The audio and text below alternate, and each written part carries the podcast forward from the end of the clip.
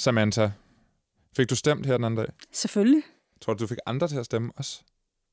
Det håber jeg. Ja. Jeg håber virkelig. Og vigtigt, jeg håber virkelig, at de føler, at jeg kunne hjælpe dem til at finde frem til nogle kandidater, som, øh, som i hvert fald på en eller anden måde stemmer overens med deres værdier. Ja. Fordi at øh, mange har det med at stemme mod egen interesse. Det er jo dumt. Ja, det er dumt. Men det sker altså rigtig ofte. Men det er jo fordi, de ikke rigtig forstår, så hvad det er, dem de stemmer på, øh, står for. 100 procent, det er derfor. Og det er noget, Og det kan være har, svært at finde ud af også. og det har du prøvet at hjælpe folk med at forstå. Jeg har prøvet. Jeg har gjort mit bedste. Du hedder jo Samantha Stojkovic, og øh, du er Instagrammer. Ja. Tidligere deltager i et meget populært reality-program. Ikke at det er så væsentligt i det her program, men, men det bliver måske lidt væsentligt i forhold til noget, vi skal tale om senere. Ja. Øh, du har været med i All Caps før flere gange. Du er faktisk en af All Caps bedste venner. Ja, det, øh, det håber jeg virkelig. Men til dem, som ikke sådan, altså, måtte have lyttet med alle de gange, altså fast. Jeg regner med, at de fleste har lyttet Jamen, til så skal alle de gå programmer. tilbage og lytte til programmerne. Det er program... Øh, Men, men bare lige til dem, som ikke nødvendigvis kender dig, og Ja. ikke så Paradise dengang, det var det, altså, den bedste sæson. shit. Ja. Så øh, hvad, øh, kan du ikke lige kort bare beskrive, hvad, hvis, vi, hvis vi kun holder os til øh, Instagram for eksempel? Ja. Hvad er det for en slags indhold, du poster, og hvor hyppigt, og hvad er det, der sker hos dig? Jamen, jeg poster øh, samfundspolitiske emner, øh, hvor jeg prøver at øh, korte tingene ned, eller hvad man kan mm. sige, og forklare øh, samfundssituationer. Mm. Det kan være valg, det kan være Corona. corona. Sundhedskriser. Jeg, jeg har lavet så meget. Ja. Ja. Jeg, har, jeg, jeg er stadig på, hvad hedder det, øh, valgmode. Hoved er stadig på valgmode. Ja.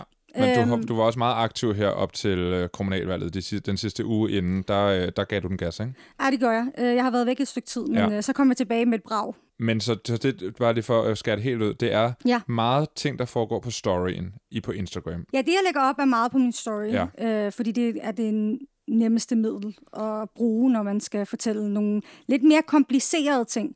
Og det er også det, jeg prøver at gøre. Jeg gør, prøver at gøre komplicerede ting forståeligt. For eksempel ligesom Brexit er, Ja. Var et clusterfuck, og det var virkelig svært at finde ud af, og Ja. det prøvede jeg ligesom at korte ned til ligesom at prøve at forklare, hvad det er, men samtidig også gøre det spændende. Mm. Øhm, du har jo haft, som du sagde, en længere pause, men nu, øh, og, du, og du før det var du, har du været meget aktiv, holdt nogle pauser, og jeg kan godt forstå, at man skal holde pauser en gang imellem for, fra at producere, specielt når man er så produktiv, som du er. Ja, Øhm, men nu det du er altså igen. hårdt. Og grund til, at du er aktiv, det kommer vi ind på lige om lidt, men det er jo, fordi du øh, blandt andet lige pludselig blev nævnt i en bog. Ja, Så tænkte du, okay, det her, det, det forpligter. ja det, nu er jeg nødt til at komme tilbage igen. det, det taler vi om lige om lidt. Øh, og så præsenterer jeg lige resten af programmet. Mhm. Øh, fordi i dagens program, der ringer jeg til Vincent Hendricks. Han er, til dem, der ikke lige skulle kende ham, professor i formel filosofi og leder af Center for Information og Boblestudier ved Københavns Univer- Universitet. I mandags der deltog han i konferencen Er den demokratiske samtale under pres, som fakta-check-mediet Tjek Tjekte, som bor herinde ved siden af, og Medierådet for Børn og Unge stod bag. Til den her konference i mandags, der blev den nyeste forskning inden for konspirationsteoriernes spredning øh, under coronakrisen gennemgået, og der var debatter om tech-giganter og censur, og ytringsfrihed, mekanismer, alle de her ting.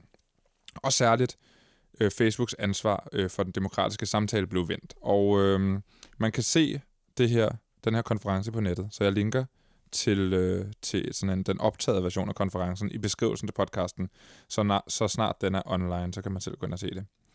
Det der var, det er jo, at det som så ofte før på de her øh, konferencer og snakke om tech-problemer, der er de konkrete løsningsforslag til, hvordan man fikser problemerne. De er sådan mindre fremtrædende. Det er altid mange ord om problemens størrelse og omfang, men mm. Mm. ikke så meget, hvad fanden gør vi ved det? Men det har øh, Vincent Hendricks faktisk et bud på, og det handler om noget så simpelt, eller kedeligt, om man vil, som en obligatorisk og randomiseret, altså en tilfældig øh, multiple choice quiz om Facebooks Terms of Service. Altså, at øh, ja, du kan blive stillet nogle spørgsmål om Facebook, før du får lov til at udkomme på Facebook. Det kan man høre meget, om, øh, meget mere om lige om lidt, fordi øh, jeg ringer til ham og taler med ham i lang tid. Så, og han har også lige øh, Så jeg tager lige en kop kaffe. Ja, tag en kop kaffe. Ikke? Han har også skrevet en bog sammen med Camilla Melsen, som er digital ekspert og blandt andet arbejder hos øh, Børns Vilkår. Og øh, den bog, den hedder Sandhedsministeriet. og bogens titel og hvad den handler om, det, det taler jeg også med Vincent Hendricks om. Samantha, Anton? du får lov til at fortælle lidt om, hvad du går og råder med lige om lidt. Ja. Og tak, fordi du gad at komme forbi. Tak fordi, at øh, du vil have mig tilbage igen. Jamen Nu altså, føles det som et rigtig comeback. nu er det et comeback. Ja, nu er det comeback. Når jeg sidder her sammen med dig igen, så øh, føles det helt som det gode gamle dage. Det er gode gamle dage. Før, nej, dengang der også var corona. Også den der gang, hvor der er stadig corona. For helvede, mand. Jamen, det er alt er ved det samme. Det her det er All Caps, og jeg hedder Anton Gader Nielsen. Du der! Der er valg! Du skal stemme! Hvordan? Sådan! Du får et valgkort. Nej, nej, ikke per mail. Det er heller ikke nede på kommunen. Det er heller ikke sådan. Får det i postkassen. Og det er gratis.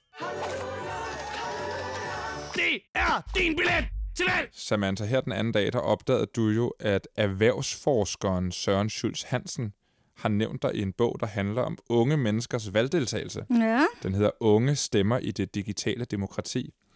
Og, og den handler om, at øh, de unge gerne vil demokratiet, men at øh, dækningen i de etablerede medier måske er lidt langt væk fra dem og lidt kedelig. Altså øh, derfor så søger de unge til typer, nogle af dem i hvert fald, til typer som dig eller Ja. andre mennesker på sociale medier, som kan fortælle dem, der er nævnt nogle øh, YouTubere, der er nævnt noget satire, og du er nævnt ved navn, af navns nævnelse i den her bog Ja, lyder så fornemt. det er jo ting, altså på en måde, vi har vi to i hvert fald har vidst et stykke tid, at jamen, hvis de unge skal påvirkes, så er det måske nogle andre kræfter, der skal til, og nogle andre tiltag, og gøres på nogle andre måder.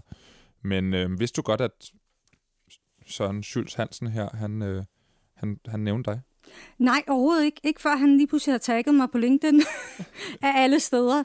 Øhm, det vidste jeg faktisk ikke. Han har ikke taget fat i mig eller noget. Det, jeg ville gerne have snakket med ham. Jeg synes, det er en mega interessant øh, studie, der er blevet lavet. Det er faktisk første gang nogensinde, at der er blevet lavet sådan en øh, omfattende f- øh, forskning, hvordan unge faktisk stemmer, og hvem det er, der påvirker dem. Og, og, en af de, og en af pointerne er jo, at øh, folk, der følger dig og andre øh, nu, altså folk, der, det, er- det er den her influencer-effekt på en eller anden måde. Altså det her med, at når de følger nogen, som de øh, kan følge med i hele tiden på sociale medier, så får de et eller andet andet forhold til personen, end man måske ville få ved dem, man ser på tv eller dem, man hører i radioen, fordi man kan være med øh, lidt mere hele tiden. Ikke? Ja, ja, lige præcis. Altså, for, for det første, så jeg tror, at vi har snakket om det også før, det her med, at man får en... Øh, det, virker, det virker sådan lidt mere sådan på et øh, lidt... Øh, lige niveau. Mm. Altså det er ligesom om, at det er, sådan, det er ens venner, eller man, man følger med i deres liv, så man føler, man kender dem, mm. eller man har et bedre forhold til dem, øh, eller man føler, man har et bedre forhold til dem.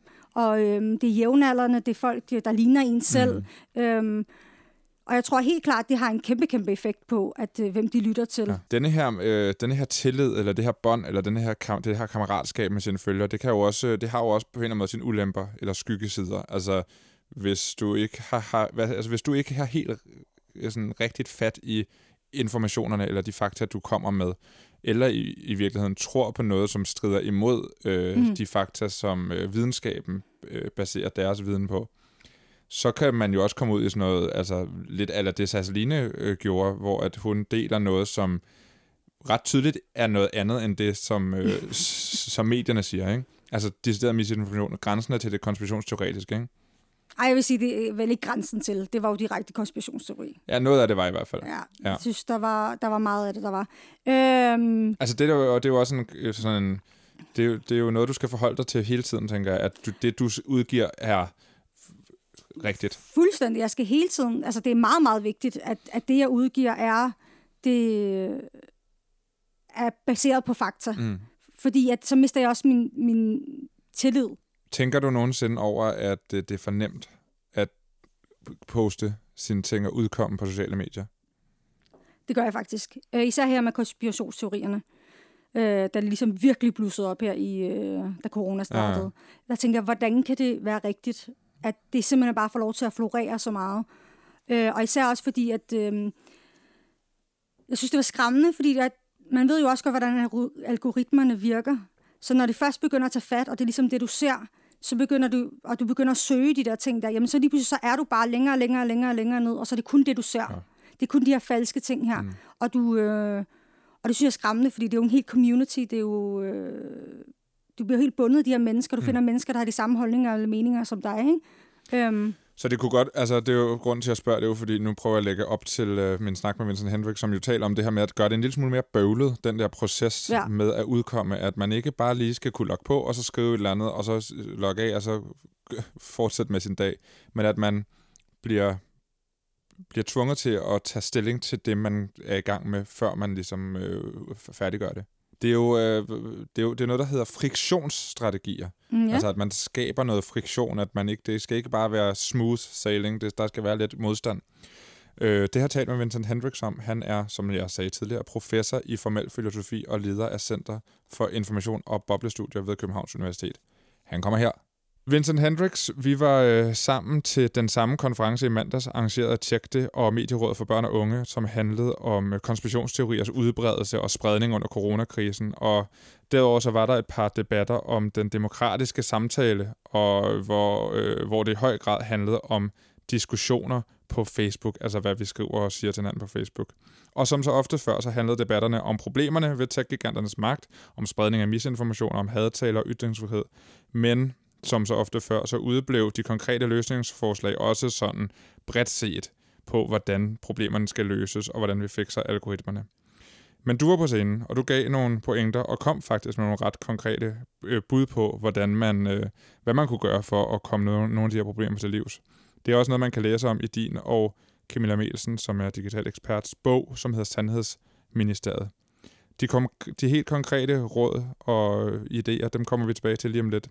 For det det her til en start, så øhm, den her demokratiske samtale, som vi hele tiden taler om, hvad, øh, hvad forstår du ved den? Fordi jeg har nogle gange lidt svært ved at se, at det er den samtale, der skulle foregå på sociale medier, og der slet ikke på Facebook, som skulle være den demokratiske samtale.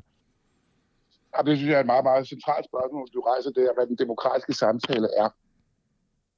Altså, vi skal nok lige bakke tilbage og tænke på, jamen, hvad er grundpillerne i demokratiet? Og grundpillerne i demokratiet er jo, der er en meget central grundpiller, der hedder det offentlige rum. Og det vi har set, og det som vi også argumenterer for i Sandhedsministeriet, og i øvrigt har diskuteret og argumenteret for i snart 10-12 år, det er, at, at det offentlige rum ikke så meget længere er et fysisk sted med en fysisk adgangsbillet. Det er faktisk efterhånden fordi størstedelen af for eksempel den politiske diskussion, den foregår jo ikke i gadekæret eller på rådspladsen. Den foregår på de sociale medier og sociale platforme. Men de sociale medier og sociale platforme er jo ikke et fysisk rum, det er en informationsinfrastruktur. Og den informationsmæssige infrastruktur forvaltes nu jo ikke af den borgerlige offentlighed eller af staten, men af private interesser. Så derfor der hvor diskussionen foregår, er jo ikke en situation, hvor det gælder, at der er lige vilkår for alle. For eksempel er det sådan på sociale medier, at nogen bliver hørt mere end andre. Det er derfor, der er noget, der hedder influencerkultur blandt andet. Mm. Uh, og, og det betyder, at vores stemme som borgere og borgerlige ikke har samme størrelse, afhængig af, hvem vi er. Og det betyder, at der, der er grundlæggende set, hvis det skal være en forudsætning for den demokratiske samtale, er, at alle kan komme lige meget til udtryk inden for lovens rammer i et rum, hvad enten det er fysisk eller det er en informationsstruktur. Ja, de vilkår har vi altså ikke, når der er nogle private aktører, der sidder og administrerer den her infrastruktur, og i øvrigt også i vid udstrækning beslutter os for, hvad vi skal diskutere. Og altså, det, det er jo her det er et meget godt øh, øh, tidspunkt så at kigge på, på ja, titlen på, på jeres bog, som hedder Sandhedsministeriet. Og det ord, det kan man jo ikke læse, hvis man har læst øh, George Orwells 1984. Så kan man jo ikke øh, andet end at tænke på den. Det er jo den her dystopiske roman om et overvågningssamfund, om tankepoliti og historieforfaldsning. Og her der er Sandhedsministeriet det sted, der bestemmer, hvad sandheden er lige nu, og egentlig også, hvad den har været i virkeligheden. Ikke? Og jo. sandheden er, hvad Sandhedsministeriet siger, den er. Så hvis de siger, at, øh, at 2 plus 2 er 5, så er det sandheden, ikke? Så... Jo, men mindre du skal bruge, mindre, mindre du skal bruge en, bygge en bro, så er det godt, det er fire, som du også sidder samtidig. Ikke? Lige præcis. Og, og, det, og det ændrer sig jo hele tiden, alt efter øh, Sandhedsministeriets for godt befindende, ikke? Eller storebror. Hvem er det, der, er, hvem er det, der styrer Sandhedsministeriet øh, i, i den her reference? Ja, altså, i vores, når vi taler det Sandhedsministeriet, så er det jo ikke, fordi vi mener, at de sociale medier er sammenlignet med Sandhedsministeriet i George Orwells 1984, som er et ministerium for sandhed, som specialiserer sig i løgn og propaganda. Mm. Det er ikke det, vi siger. Men det, vi siger, det er to ting. Nemlig, at Mark Zuckerberg ved mere end en lejlighed, når han er blevet afhørt i senatet og andet sted, har sagt, I don't think that Facebook, nor any other platform, should be the arbiter of truth. Jeg mener ikke, at Facebook eller nogen som helst anden platform skal være sandhedens dommer. Og, og det er jo meget, det lyder jo meget ædelt, men samtidig skal man jo huske, at de sociale medier og Facebook i særdeleshed, men de andre også sådan set, ja, de står for den her infrastruktur, som vi alle sammen er blevet afhængige af. Altså, de sociale medier i Danmark alene, og på Facebook specielt, er 3,7 millioner danskere på. Og det betyder, at de, og det er der, hvor man også diskuterer alt fra politik til hvilken kattevideo man gerne vil se næste gang osv. Og, for dem, og det betyder så i sidste instans, at de sidder jo nu på kritisk infrastruktur. De udbyder ikke bare båndbredde, de sidder og styrer den her infrastruktur. Og ikke nok med, at de styrer den rent kvantitativt, men det gør de faktisk også kvalitativt.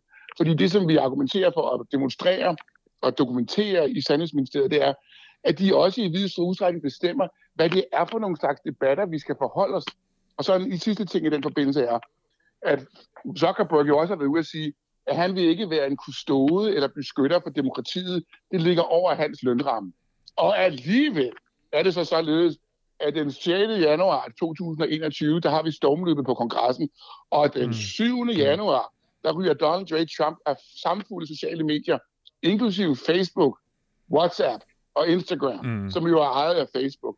Og hvis man så samtidig siger følgende, at meget kan man sige om Donald J. Trump, og jeg er ikke den store fan af ham, det skal jeg være den største til at vedgå, jeg er halvt dansk og halvt amerikansk, og jeg er ikke virkelig stolt af ham, men det ændrer ikke på, at han er folkevalgt. Ja. Det var han trods alt. Og lige pludselig så, så er der nogle tech der siger, nu berøver vi ham stemmen til det offentlige rum, som vi administrerer. På trods af, at han er folkevalgt. Og der kan man sige, jamen så er du begyndt at blande dig i demokratiet. Om du så mener, det ligger over din lønramme, eller ej. det er, hvad er over hans lønramme? Det, det må være ekstremt mange penge så. ja, formentlig. Det her det handler meget om Facebooks magt, og, hvem, og hvad de bestemmer, og hvor, hvordan de forvalter den magt. En anden det, del af problemet, og en af de ting, der blev præsenteret til det her, den her konference mandags, det var, at det er øh, tempoet med, med hvilket vi kan udkomme på sociale medier, er så højt, at man har svært ved at følge med, og derfor så sker der, altså så kan man sprede misinformation utrolig hurtigt. Det er en del af problemet, det har været det under coronakrisen her, og, øh, og derudover altså øh, svine hinanden til alle de her ting, alle de problemer, som vi hele tiden taler om, der er ved sociale medier. Du præsenterede nogle konkrete råd til at mindske spredningen og tempoet, hvorved det sker. Øh, det er øh, noget, du, du nævner, som hedder fri- friktionsstrategier, som vi ikke har snakket så meget om før, men som øh, du udgav en artikel om i går tirsdag, tror jeg det var, og øh, som i øvrigt, øh, ja, som du i øvrigt nævnte til den her konference. Kan du ikke fortælle lidt om det? Jo, det kommer så af, at man, hvad, man, hvad man ved, der virker, når man skal dæmme op for misinformation og fake news, og det ved de sociale platforme også, fordi de bruger det selv. Det er det, man kalder friktionsstrategier. I kender det bedst når I logger på et eller andet site, og man lige skal tjekke, at man ikke er en robot, det man mm. kalder captures. Altså hvor man undersøger, okay, hvis du, kan, hvis du kan gengive det her, så ved vi, at du ikke er en robot. Eller hvis du kan genkende de her vejskilte her, så ved vi, at du ikke er en robot. Og det er en måde at sortere botter fra mennesker i, uh, i for eksempel i adgangen til bestemte sociale ydelser, platformsydelser. Og det kalder man generelt for friktionsstrategier. De har den egenskab, at de kan sortere mellem mennesker og bots, men de kan sådan set også mindske spredningen af misinformation, og de kan gøre komme anonymitet til livs i bestemte sammenhæng. De har forskellige egenskaber, som er rigtig efterstræbelsesværdige, og man bruger dem relativt meget. Og de sociale medier bruger dem også, fordi de faktisk, man ved, de virker. Det ved vi fra forskningens side. Altså man gør det i virkeligheden mere bøvlet at komme igennem, eller mere, man skal, man skal anstrenge sig lidt mere for at komme hen ja. til det, man gerne vil. Ja, og det har to grunde, og det har, og det har forskellige konsekvenser. For eksempel, hvis du lige bliver bedt om, altså, prøv lige at køle af, før du svarer tilbage ja. her. Så er det jo nogle gange så, at du siger, okay, jeg prøver lige at køle af et øjeblik. Og så mener jeg måske ikke helt på den her måde. Ja. Eller måske skulle jeg lige undersøge den her sag en ekstra gang, inden jeg deler den. Altså, du stimulerer lige til en omtanke, inden at du agerer, deler, kommenterer, skriver et opslag, øh, videresender et stykke information osv. Så, videre. så ja. det kan faktisk have en gavnlig effekt på både hastigheden, hvor med at tingene bliver spredt, men også hvorvidt man har haft lejlighed til lige at reflektere over det undervejs. Det jeg så foreslog meget specifikt, det var, prøv at høre her, hvis vi nu går, hvis vi ved, at friktionsstrategier virker, og vi også ved, at der er 3,7 millioner danskere, der er på Facebook, og vi også ved, at øh, hovedsædet for Norden og Benelux-landene for Facebook sidder i København, så ville det måske være det at gå over og ringe på hos dem og så spørge, prøv at høre, kære Facebook, ville det ikke være en god idé, hvis samfulde danskere, der er på Facebook, 3,7 millioner af dem, faktisk er bekendt med jeres fællesskabsstandarder. For det ville jo betyde, at så skulle I rydde mindre op og lave mindre indholdsmoderation. Og de fællesskabsstandarder bruger I jo så i øvrigt til at sanktionere brugerne efter for godt befindende. Så på den måde ville det jo sådan set være meget godt, hvis de kendte til det. Det skulle jo synes som et retorisk spørgsmål til, hvilket Facebook ville sige, jo, det synes vi faktisk er en ret god idé. Og så kunne, så kunne, så kunne Folketinget sige, men en måde, man kunne gøre det på, ja, det ville jo faktisk være at installere en friktionsstrategi, således at man, når man loggede op, eller logget ind på sin Facebook, så ville det være sådan, at fra tid til anden og vilkårligt blev man præsenteret på en lille multiple choice test, hvor man skulle besvare nogle spørgsmål vedrørende de fællesskabsstandarder, der gælder alt fra vold og kriminal adfærd til immateriel, immaterielle ophavsrettigheder og den slags ting, i ny og næ. Og hvis du kan svarene, så kan du logge, så kan du logge på på 10 sekunder, og hvis du ikke kan, så skal du altså lige tilbage og tabe, tabe nogle fællesskabsstandarder. Således man var sikker på, at brugerne faktisk kendte til dem. Og det vil være meget let for, de, for, for lovgiverne og, bruger, og politikerne at tjekke, om Facebook faktisk havde gjort det, fordi brug lovgiverne og politikerne selv vil jo blive udsat for tid til anden til de her, for de her fællesskabsstandarder. Hvis Facebook nu det synes de er en rigtig god idé.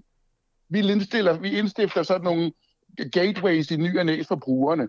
Så vil det jo betyde, at de er villige til at opgive noget af deres forretning for, at folk de kan deres fællesskabsstandarder, og dermed vil det jo også betyde noget for, hvor meget indholdsmoderation de skulle gå ud og lave, som de jo er ved at drukne i. Mm. Hvis de nu siger nej, vi synes, det er en rigtig dårlig idé, ja, så kan man jo nok få øje på dobbeltmoralen i, at på den ene side at have nogle fællesskabsstandarder, alle skal leve op til, men man ikke selv vil håndhæve, at de brugerne faktisk stadig kan. Det er som at sige, vi vil gerne have de her fællesskabsstandarder, men brugerne behøver ikke at kende til dem, fordi det er lige meget. Og det vil være en anden måde at sige på, jamen her vil der være en situation, hvor du fik skruet ned for hastigheden. Indholdsrelationen ville blive lettere. Det sociale, det, lovgiverne ville have en hånd i hanke med de sociale medier om, hvorvidt de kunne leve op til de her krav. Og så kunne man eventuelt sidenhen indstifte ved lov. Så jeg kan kun se, at alle ville vinde på det. Og lige nu øh, har jeg, skal jeg så i Folketinget den 7. i 12. til en folketingshøring om, om social media, og hvor, hvor, hvor Facebook også er repræsenteret og kommer. Og så kunne jeg jo meget belejligt spørge, så også spørge politikerne om, og Facebook, om de kommer videre det, som antageligvis synes at være en win-win for alle. Det lyder måske i virkeligheden mere som en win for, for, for brugerne og for demokratiet, end for Facebook, i hvert fald for deres pengepunkt. Så er, tror du, er det her reelt, altså tror du det her, det er reelt har gang på jord, eller ben at gå på, eller, eller er, det, er det også lidt for at udstille en eller anden potentiel hyklerisk reaktion fra Facebook? Eller politikerne for Nej, jeg, jeg går ikke efter Facebook, Instagram, WhatsApp eller YouTube, men jeg går ud fra, at alle de her pågældende platforme for deres vedkommende gerne vil have, at brugerne er bekendt med de fællesskabsstandarder, som de har. Hvorfor ellers have dem? Mm. Fordi det er jo på den baggrund, hvor de sanktionerer brugerne, hvis de ikke lever op til dem. Så det burde være i deres egen interesse. Og det burde også være i politikernes interesse, at den sociale og demokratiske infrastruktur, hvor demokratiet lever, faktisk, når den, hvis den nu engang bliver, er en sådan beskaffenhed, at den bliver, at private hænder er med til at stimulere den, at brugerne læser, borgerne for deres vedkommende er bekendt med de her forordninger. Så jeg kan ikke se, at det skulle være for nogens vedkommende en ulempe, andet end selvfølgelig for pengepunkten mm. for tech-giganterne. Og hvis de er villige til at sige, at vi har ikke nogen interesse i at efterleve de her, det her forslag her, så er det det samme som at sige, at vi sætter profit, før vi sætter mennesker, præcis som vores gode Francis Haugen jo også har pointeret som, som whistleblower på Facebook. Og det er jeg ikke sikker på, at det er en, et prædikat, de har lyst til at have. De har de her fællesskaber af tre grunde. Det er godt for deres logos, deres ethos og deres patos og deres, og deres raison d'etre, hvorfor de er der. Og den her lille probe, om du vil kalde den det, eller det her lille initiativ, som jeg foreslår, vil jo teste dem på det, og teste politikerne på, hvorvidt de er villige til at gøre noget. Og samarbejde med tech-giganterne. Om noget, som burde være i alles interesse. Det er, og det er et dejligt konkret øh, forslag til noget, man kunne gøre, og det handler jo også rigtig meget om det her med, at det er så nemt at udkomme lige nu, ikke? og det er også en af, i virkeligheden også en af mine kæphester, som vi har snakket om meget i All Caps, det der, hvorfor, hvorfor er det blevet en menneskeret at udkomme på sociale medier med sin holdning hele tiden konstant, ikke? Øh, men sådan det har jo, det har, det har, historisk har det jo ikke været på den måde. Altså for eksempel øh, læser, der har altid været en anden form for gatekeeping nogen, der skulle vurdere, om det, der udkom, skulle udkomme. Øh, jeg, jeg tænker også på, at et konkret løsningsforslag kunne være, at det skulle så måske begrænse sig til mediernes øh, kommentartråd. Det handler jo om, at at moderere på forkant i stedet for på bagkant, altså at godkende, hvilke kommentarer, der bliver udgivet, før de bliver udgivet, i stedet for at fjerne dem, der overtræder nogle regler, efter de er udkommet. Præcis, og det er jo den måde, hvorpå for eksempel, at den mere etablerede presse fungerer, ikke sandt? Altså, hos politikken kan du skrive et læserbrev, og det betyder så, at så sætter en redaktør og vurderer, mm. hmm, er det den her diskussion, vi gerne vil have, eller ikke vil have? Og hvis du ikke kan udkomme med dit læserbrev på politikken, så er det jo ikke det samme som at sige, at din ytringsfrihed er blevet knægtet. Det ville jo kun blive et tilfælde, hvis det var sådan, at det eneste sted, som du kunne komme ud, ville være på politikken, og det er det jo som bekendt ikke. Så du kan gå mange andre steder hen. Men politikken, Ekstrabladet, Facebook for den sags skyld, er jo frie til at sige, at vi vil have den her diskussion, og ikke en anden diskussion. Og i øvrigt er det sådan, at det gør Facebook, Instagram, WhatsApp allerede. Det er derfor, de har deres fællesskabsstandarder. Så det der med at sige, at der er, igen som jeg omtalte før, at der er frit slag i boldlejen, og det er sådan, at alt kan komme til udtryk lige meget, og der er ytringsfrihed på de sociale medier, passer ikke, og det kommer aldrig til at passe. Jamen, det lyder også som om, at det, det handler om, at der er et problem i forhold til placering af ansvaret for det, der udgives på sociale medier, og det er jo blandt andet på grund af øh, den amerikanske internetlovgivning, altså at de sociale medier ikke står til ansvar for det, der udgives på dem, bortset fra, hvis det er sådan direkte øh, i modstrid med loven, ikke? Øh, er, er, der, er der en idé i, at man også bliver mere konkrete i, i, hvem det er, der har ansvar for indholdet? I allerhøjeste grad, og du har fuldstændig aldeles ret i, at i 1996, der får vi det, noget af det allerførste internetlovgivning, vi ser i verden, og det er faktisk under Bill Clintons øh, administration, hvor man, hvor man lige præcis siger, at det, man kalder Internet Service Providers, på det tidspunkt, det var før de, de tech-giganterne kom og de sociale platforme, men alle, der udbyder noget på, på, på de sociale medier, for deres vedkommende ikke kunne stilles til ansvar for indholdet fra tredjepart.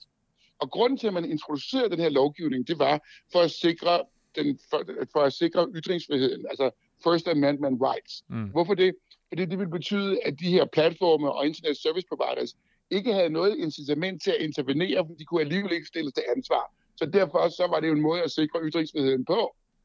Det, der så sker, det er jo så, at det bliver også en måde, hvorpå at de sociale medier kan vokse, fordi de kan ikke stilles til ansvar. Og det vi ser nu, det er, at både republikanere og demokrater i USA er nået hen til enighed for første gang i årtier at, øh, om noget, noget de, det, man kalder bipartisan, altså hvor begge to skriver under, nemlig at måske skal vi kigge på den her forordning, der hedder Communications Decency Act A230, lige præcis der, hvor man friholder for tredjepartsindhold, og så spørger, måske skal vi til at enten smide den væk, eller i hvert fald modificere den. Francis Haugen, whistlebloweren, foreslår, at man skal omformulere den på en sådan måde, at de kan gøres til ansvar for de algoritmer, hvormed al information deles. Men ikke, at de gør, men ikke, at de bliver, til, bliver sat til ansvar for informationen, men for den algoritmiske kuratering af det. Og det vil være et indgreb i den her forordning. Og, og, nu, og så kommer vi jo faktisk til, til det sidste punkt i det her. Nu har vi været igennem, øh, hvor, hvor, hvem der bestemmer, hvor man, hvordan man kan udkomme, og hvem der så skal moderere. Altså, nu er vi nede ved det her med, øh, hvad skal det koste, og hvem, hvem betaler for gildet. Og, og som du siger, øh, sociale medier er gratis, ikke? Øh, på en måde. Du betaler du, bare, du, du betaler bare en anden valuta. Ja, du betaler øh, med data i stedet for med kroner og øre ja. eller dollars, ikke? Øhm, ja. Så, så der, er, der, der har du også et kon, øh, konkret forslag til, at man altså, i virkeligheden øh, slår, slår dem der, hvor det går ondt, og følger om pengene. Øh, altså penge og, og data øh, lige nu, det er jo, det er jo viden, ikke? Og, og, og ja. viden er, er magt, øh, kan man sige. Og, øh, og, og de bruger den her magt til at bruge og til at tage vores opmærksomhed og kigge på, på nogle ting, som de så kan præsentere os for, ikke? Du foreslår, at man, øh, man, man begrænser muligheden for at indsamle data øh, om os i virkeligheden, ikke? Jo, altså igen, det her det er ikke et raketvidenskabsforslag, men, men det gælder tit og ofte i mange af verdens anlægger. Follow the money, right? Mm. Just follow the money. Hvor bliver de genereret hen? Og som du rigtig nok siger, så bliver vi pengene for de sociale medier genereret derved, at vi betaler ikke i kroner og øre, men vi betaler i opmærksomhed og data, og det er dataen, du analyserer og kuraterer og sælger til annoncørerne. Bang! Det er forretningsmodellen for den anden Den er super simpel. Det er ikke raketvidenskab, men det virker. Og det betyder, at hver gang, at vi som brugere bliver præsenteret med et spørg- vi præsenterer sociale medier med et spørgsmål om, hvorfor er det, I tager så meget data fra os? Hvorfor bliver I ved med at tabe det? Så er argumentet altid det samme, Anton, nemlig at det forbedrer din brugeroplevelse. Mm. Fordi jo mere data de har om dig, jo bedre kan de så målrette dine kampagner til dig, og jo mere får du det, du søger efter. Okay? Men det betyder selvfølgelig stadigvæk, at jo mere data, jo bedre søgninger, jo bedre data du får igen, jo bedre, endnu bedre søgninger. Så det bliver bare et hamsterhjul der, og hvor profitten i data kommer til at ende i big tech-lommer. Så et andet forslag, som jeg havde, det er at sige, I må godt kappe data. I må gerne, men kun tre dage tilbage. Mm. Ikke mere. I må ikke lave profilering af brugerne på den måde, som I kan gøre det nu, hvor I simpelthen, hvor I simpelthen samler hele deres klikhistorik, hele deres adfærd på nettet, og så på den baggrund gør det. Det var en måde at gøre det på. I må kun gøre det tre dage tilbage. Eller, eller en anden måde, man kunne gøre det på, det var at sige, vi tillader kun generiske reklamer. Og det betyder altså, du kan ikke lave målrettede reklamekampagner. Du skal tilbage og lave reklamer på samme måde, som vi gjorde nede på Rådhuspladsen i gamle dage, når du gik forbi en plakatsøjle. Mm. Der kunne du ikke vide, hvem der ser den, men nogen ser den. Så vi tillader kun generiske reklamer, ikke dem, der er målrettet og targetet på baggrund af dataanalyser. Hvad ville det betyde for mig, hvis de kun havde data for mig for, for, for de sidste tre dage?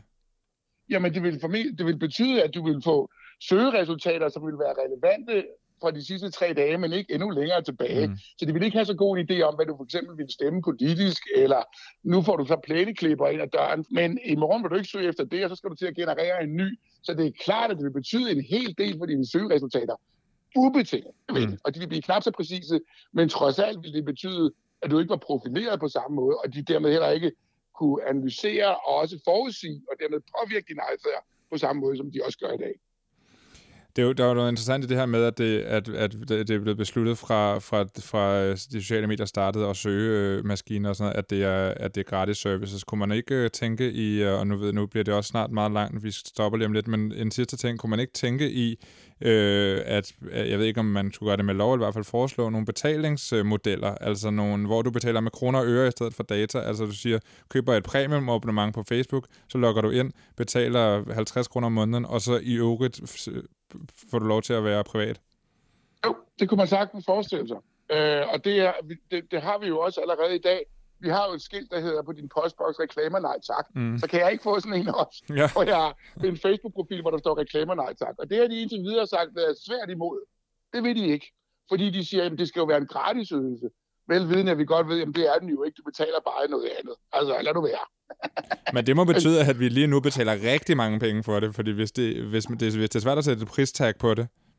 Men det gør vi da også. Ja. Men det er da fordi, at, at det er mere uigennemskueligt, hvordan og hvorledes vores data bidrager til forretningsmodellen. Ja. Men de bidrager meget mere end et abonnement på 100 kroner om måneden på Facebook vil gøre.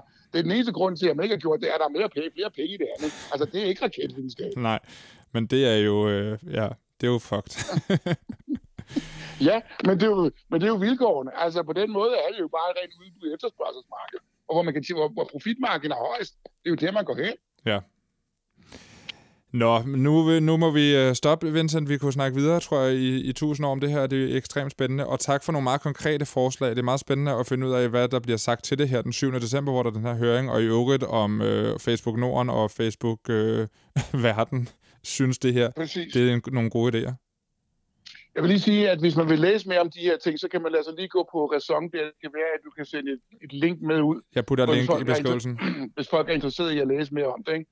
Det gør jeg. Jeg linker til den artikel og til øh, bogen Sandhedsministeriet, som man også kan gå ud og købe nu, eller ønske sig julegave. Præcis. Tak for det, Vincent Hendricks. Anton, tak fordi jeg måtte være med. Okay. Det var Vincent Hendricks, og øh, jeg linker til, øh, til, til, til de ting, han talte om i beskrivelsen til podcasten. Samantha, du er her stadig jo. Ja, det er. Du, du, du skal jo være din egen redaktør, når du udkommer. Altså, du, du har jo ikke en person over dig, der sidder og siger, hey, stop lige, det her, det, det er ikke rigtigt, eller sådan her kan man ikke sige det, øh, eller sådan nogle ting. Nej, nej, jeg er, I'm a one-woman show pony. Hvordan forvalter du det ansvar? Altså, hvordan, øh, hvor, hvor tit kigger du på dig selv og siger, det her, det kan du ikke skrive, eller det her, det er forkert, eller altså... det gør jeg faktisk næsten med alle posts. Ja. Altså, jeg vil sige med alt, som ikke som indeholder noget samfundspolitisk. Ja. Øhm, og jeg gemmer faktisk også alle mine links, hvor jeg har fået min information fra. Skulle der lige nu være nogen, der hopper ind i indbakken, for det er der altid, der bare sådan, det passer ikke, så kan jeg lige øh, smide link afsted. Jeg synes, det er enormt vigtigt, mm. øh, for jeg har den her tillid, og det er jo også derfor, jeg kan tillade mig mange gange at faktisk poste ting, hvor jeg ikke har... Hvor jeg glemmer nogle gange, eller er lidt hurtigt, fordi der skal mange ting frem, ligesom ikke at sætte en kilde på. Ja. For der er ikke særlig mange, der sætter spørgsmålstegn ved det. Nej. Øh, men det kommer altså også med et kæmpe ansvar at, at gøre sådan. Men jeg synes faktisk, det godt kan være rigtig ubehageligt, At hvad? at, at jeg ikke har nogen, Mm. at det hele falder på mig. Mm. Fordi at, øh, at lige så vigtigt, altså det er mega vigtigt, men jeg bliver sådan helt, altså jeg vil bare snakke om den, så bliver jeg helt nervøs. Fordi hvis jeg nu laver en fejl, Ja. så kan det altså godt have betydning. Det betyder altså, det, det kan godt have konsekvenser. Ja. Øh, jeg snakker ikke om min platform, jeg snakker om, hvordan folk tolker verden. At jeg har givet dem en forkert information, det vil jeg have det helvedes til, især hvis det, altså, det vil jeg slet ikke kunne. Okay. Hvad hedder det? Vi når ikke mere i all caps nu, men hvis du vil blive siddende, så tager vi sådan en runde short caps lige ja. efter øh, de her rulletekster, hvor vi taler om en funktion på Instagram, som de prøver at teste, hvor man øh, bliver tvunget til at tage en pause. Hyggeligt. Vi skal også tale om øh, en, øh, en knap på YouTube. Altså, det er meget sådan en funktionssnak. Ja, jeg kan godt høre det, jeg kan godt høre det. vi skal snakke om, øh, om dislike-funktionen på YouTube, og så skal. Ja. vi snakke om denne her øh, øh, text-to-voice-funktion på TikTok, som, hvor man ligesom kan skrive noget, og så får man maskinen til at læse det op for en. Det er lige om lidt. All Caps er produceret på og af Enigma, Museum for Post, Tele og Kommunikation for Loud. Mit navn er Anton Gade Nielsen. Vi ses.